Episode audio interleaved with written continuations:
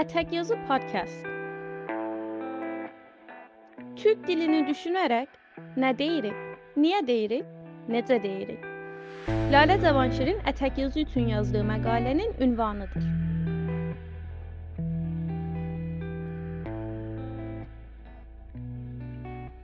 Mən Türkan Bozqurd.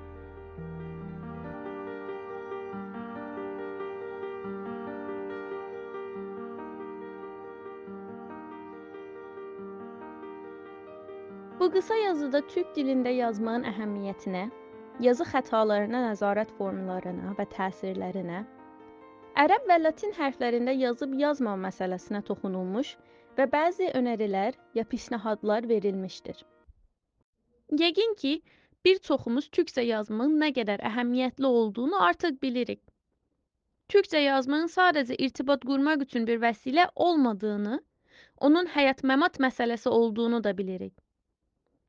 Yəni dilimiz yox olandan sonra kültür də, kimlik də, torpaq da, siyasi iqtidar məsələsi də, iqtisadi ədalət çabaları da bitib gedəcək. Himmət bəy Şəhbazinin ən son yazısında yazdığı kimi, dil bir milləti sənədləşdirir. Dilinə sahib çıxmayan millətin toxuduğu xalça, yazdığı ədəbiyyat, çaldığı musiqi, Üstündə yaşadığı torpaq və o torpaqdan daşıb çıxan sərvət dilini mənimsəyib yazdığı və yaratdığı millətə mənsub olar. Özünə deyil. Tam da bu nöqtədə çatdığımız fikirləri və dil məsələsinin nə qədər həyati olduğunu ətrafımızdakı dost tanışlarımıza və əli qələm tutan hər kəsə də çatdırmaq istəyirik. Haqlı olaraq və xoş nitələrlə gələcəyimizi və bəqamızı təmin etmək üçün hərəkətə keçirik.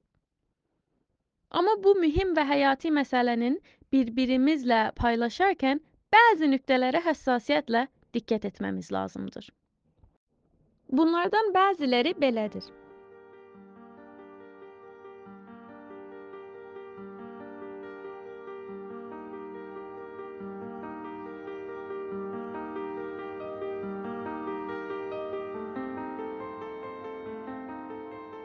Bizim toplum öz ana dilində eğitim və ya amuziş almır.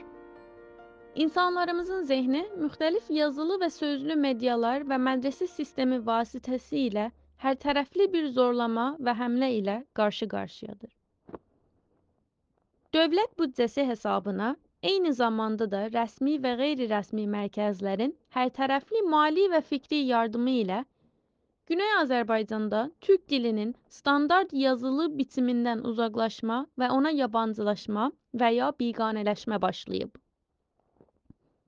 Bu yabancılaşma hələ də davam edir. Bunu o qədər hesab kitablı və düşünərək həyata keçirirlər ki, biz Azərbaycanlıların ruhu belə duymur. Ona görə də insanların türkcə yazarkən səhv cümlələr qurması, kəlmə seçimlərinin fərqli olması, uslub və sairə xətaların olması təbiidir. Buna əsasən, əlimizə xətkeş götürüb tənbih etmək və danlamaq yerinə, ya da mütəmadiyyən onun qələt yazıbsan, bunu qələt yazıbsan demək yerinə başqa bir iş görmək lazımdır. Çünki məsələnin bu şəkildə dilə gətirilməsinin təsiri psixolojik olaraq müxərrəbdir. Məncə toplumun türk dilində yazmaqla bağlı bir ümumi əfvə ehtiyacı var. İcazə verək hər kəs başardığı kimi yazsın. Çox ürək yandırırsaq, bunu qələt yazıbsan, feili qələt seçibsən, qramerin qələtdir kimi cümlələrin yerinə yazdığınızın doğru şəkli budur deyək. Bunu başarmırıqsa, ən azından bir şey deməmək daha əxlaqidir. Yəni insanların atmaq istədiyi balaca addımları başında kör etməyə ehtiyac yoxdur. Yavaq qoyub düzgün bir şəkildə təşviq edici və dəstək verici sözlərlə öyrədək ya da susaq. İkincisi, ərəb hərflərində yazanlara həmlə etmək məsələsidir.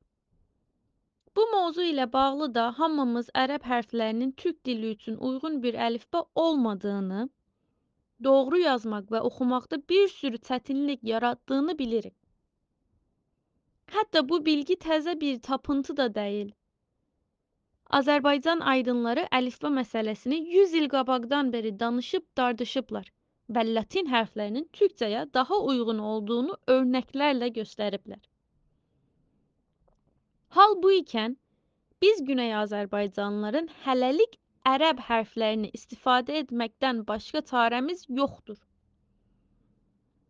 Biz ərəb əlifbasına rəsmi olaraq zorunlu qılınmışıq. Dövlət ərəb əlifbasında yazılan mətnlərə çap izni verir. Biz hələlik ərəb hərfli bir mühitdə yaşayırıq. Uşaqlarımızın mədrəsələrdə bu hərflərdən başqa bir əlifba ilə yazmaq imkanı yoxdur. Yəni Güney Azərbaycan mühitində ərəb hərfləri ilə yazmaq bizim üçün ixtiyar məsələsi deyil, icbardır. Bu icbara dirənsək özümüz həsf olarıq. Məsələn, yazılarımız kitab və dərgi şəklində yayılmaz, rəsmiləşməz. Ərəb hərfləri ilə yazanları danlamaq yerinə onları məsələn hər iki əlifbada yazmağa çağıra bilərik. Onlayn tərcümə və köçürmə proqramları üzərinə çalışan mütəxəssislərdən fənni və fikri yardım ala bilərik. Onların yazacağı proqramlar vasitəsilə ərəb hərflərindən latin hərflərinə köçərmə və ya ərəb hərfləri ilə yazılmış türkcə mətnləri başqa dillərə tərcümə mümkün olar.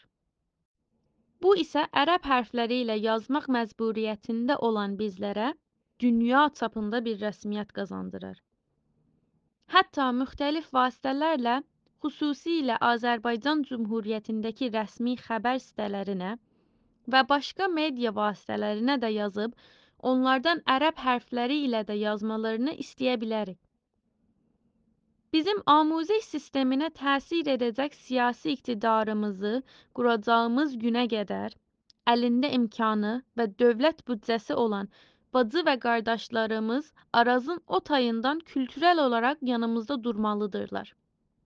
Bir sözlə, bizim özümüzlə savaşmaq yerinə məhdud imkanları ilə türkcə yazanları və bu dildə mətn ürədənləri və ya tolid edənləri qısqaca salıb sıxışdırmaq yerinə alternativləri düşünməmizdə fayda var. Gəlin birlikdə türkcə yazıb yaratmağa həvəs oyandıraq. İmkan verək insanlar səhv yazmaqdan qorxmadan yazmağa başlasınlar. Əsas ilk addımları atanlara saldırmamaqdır.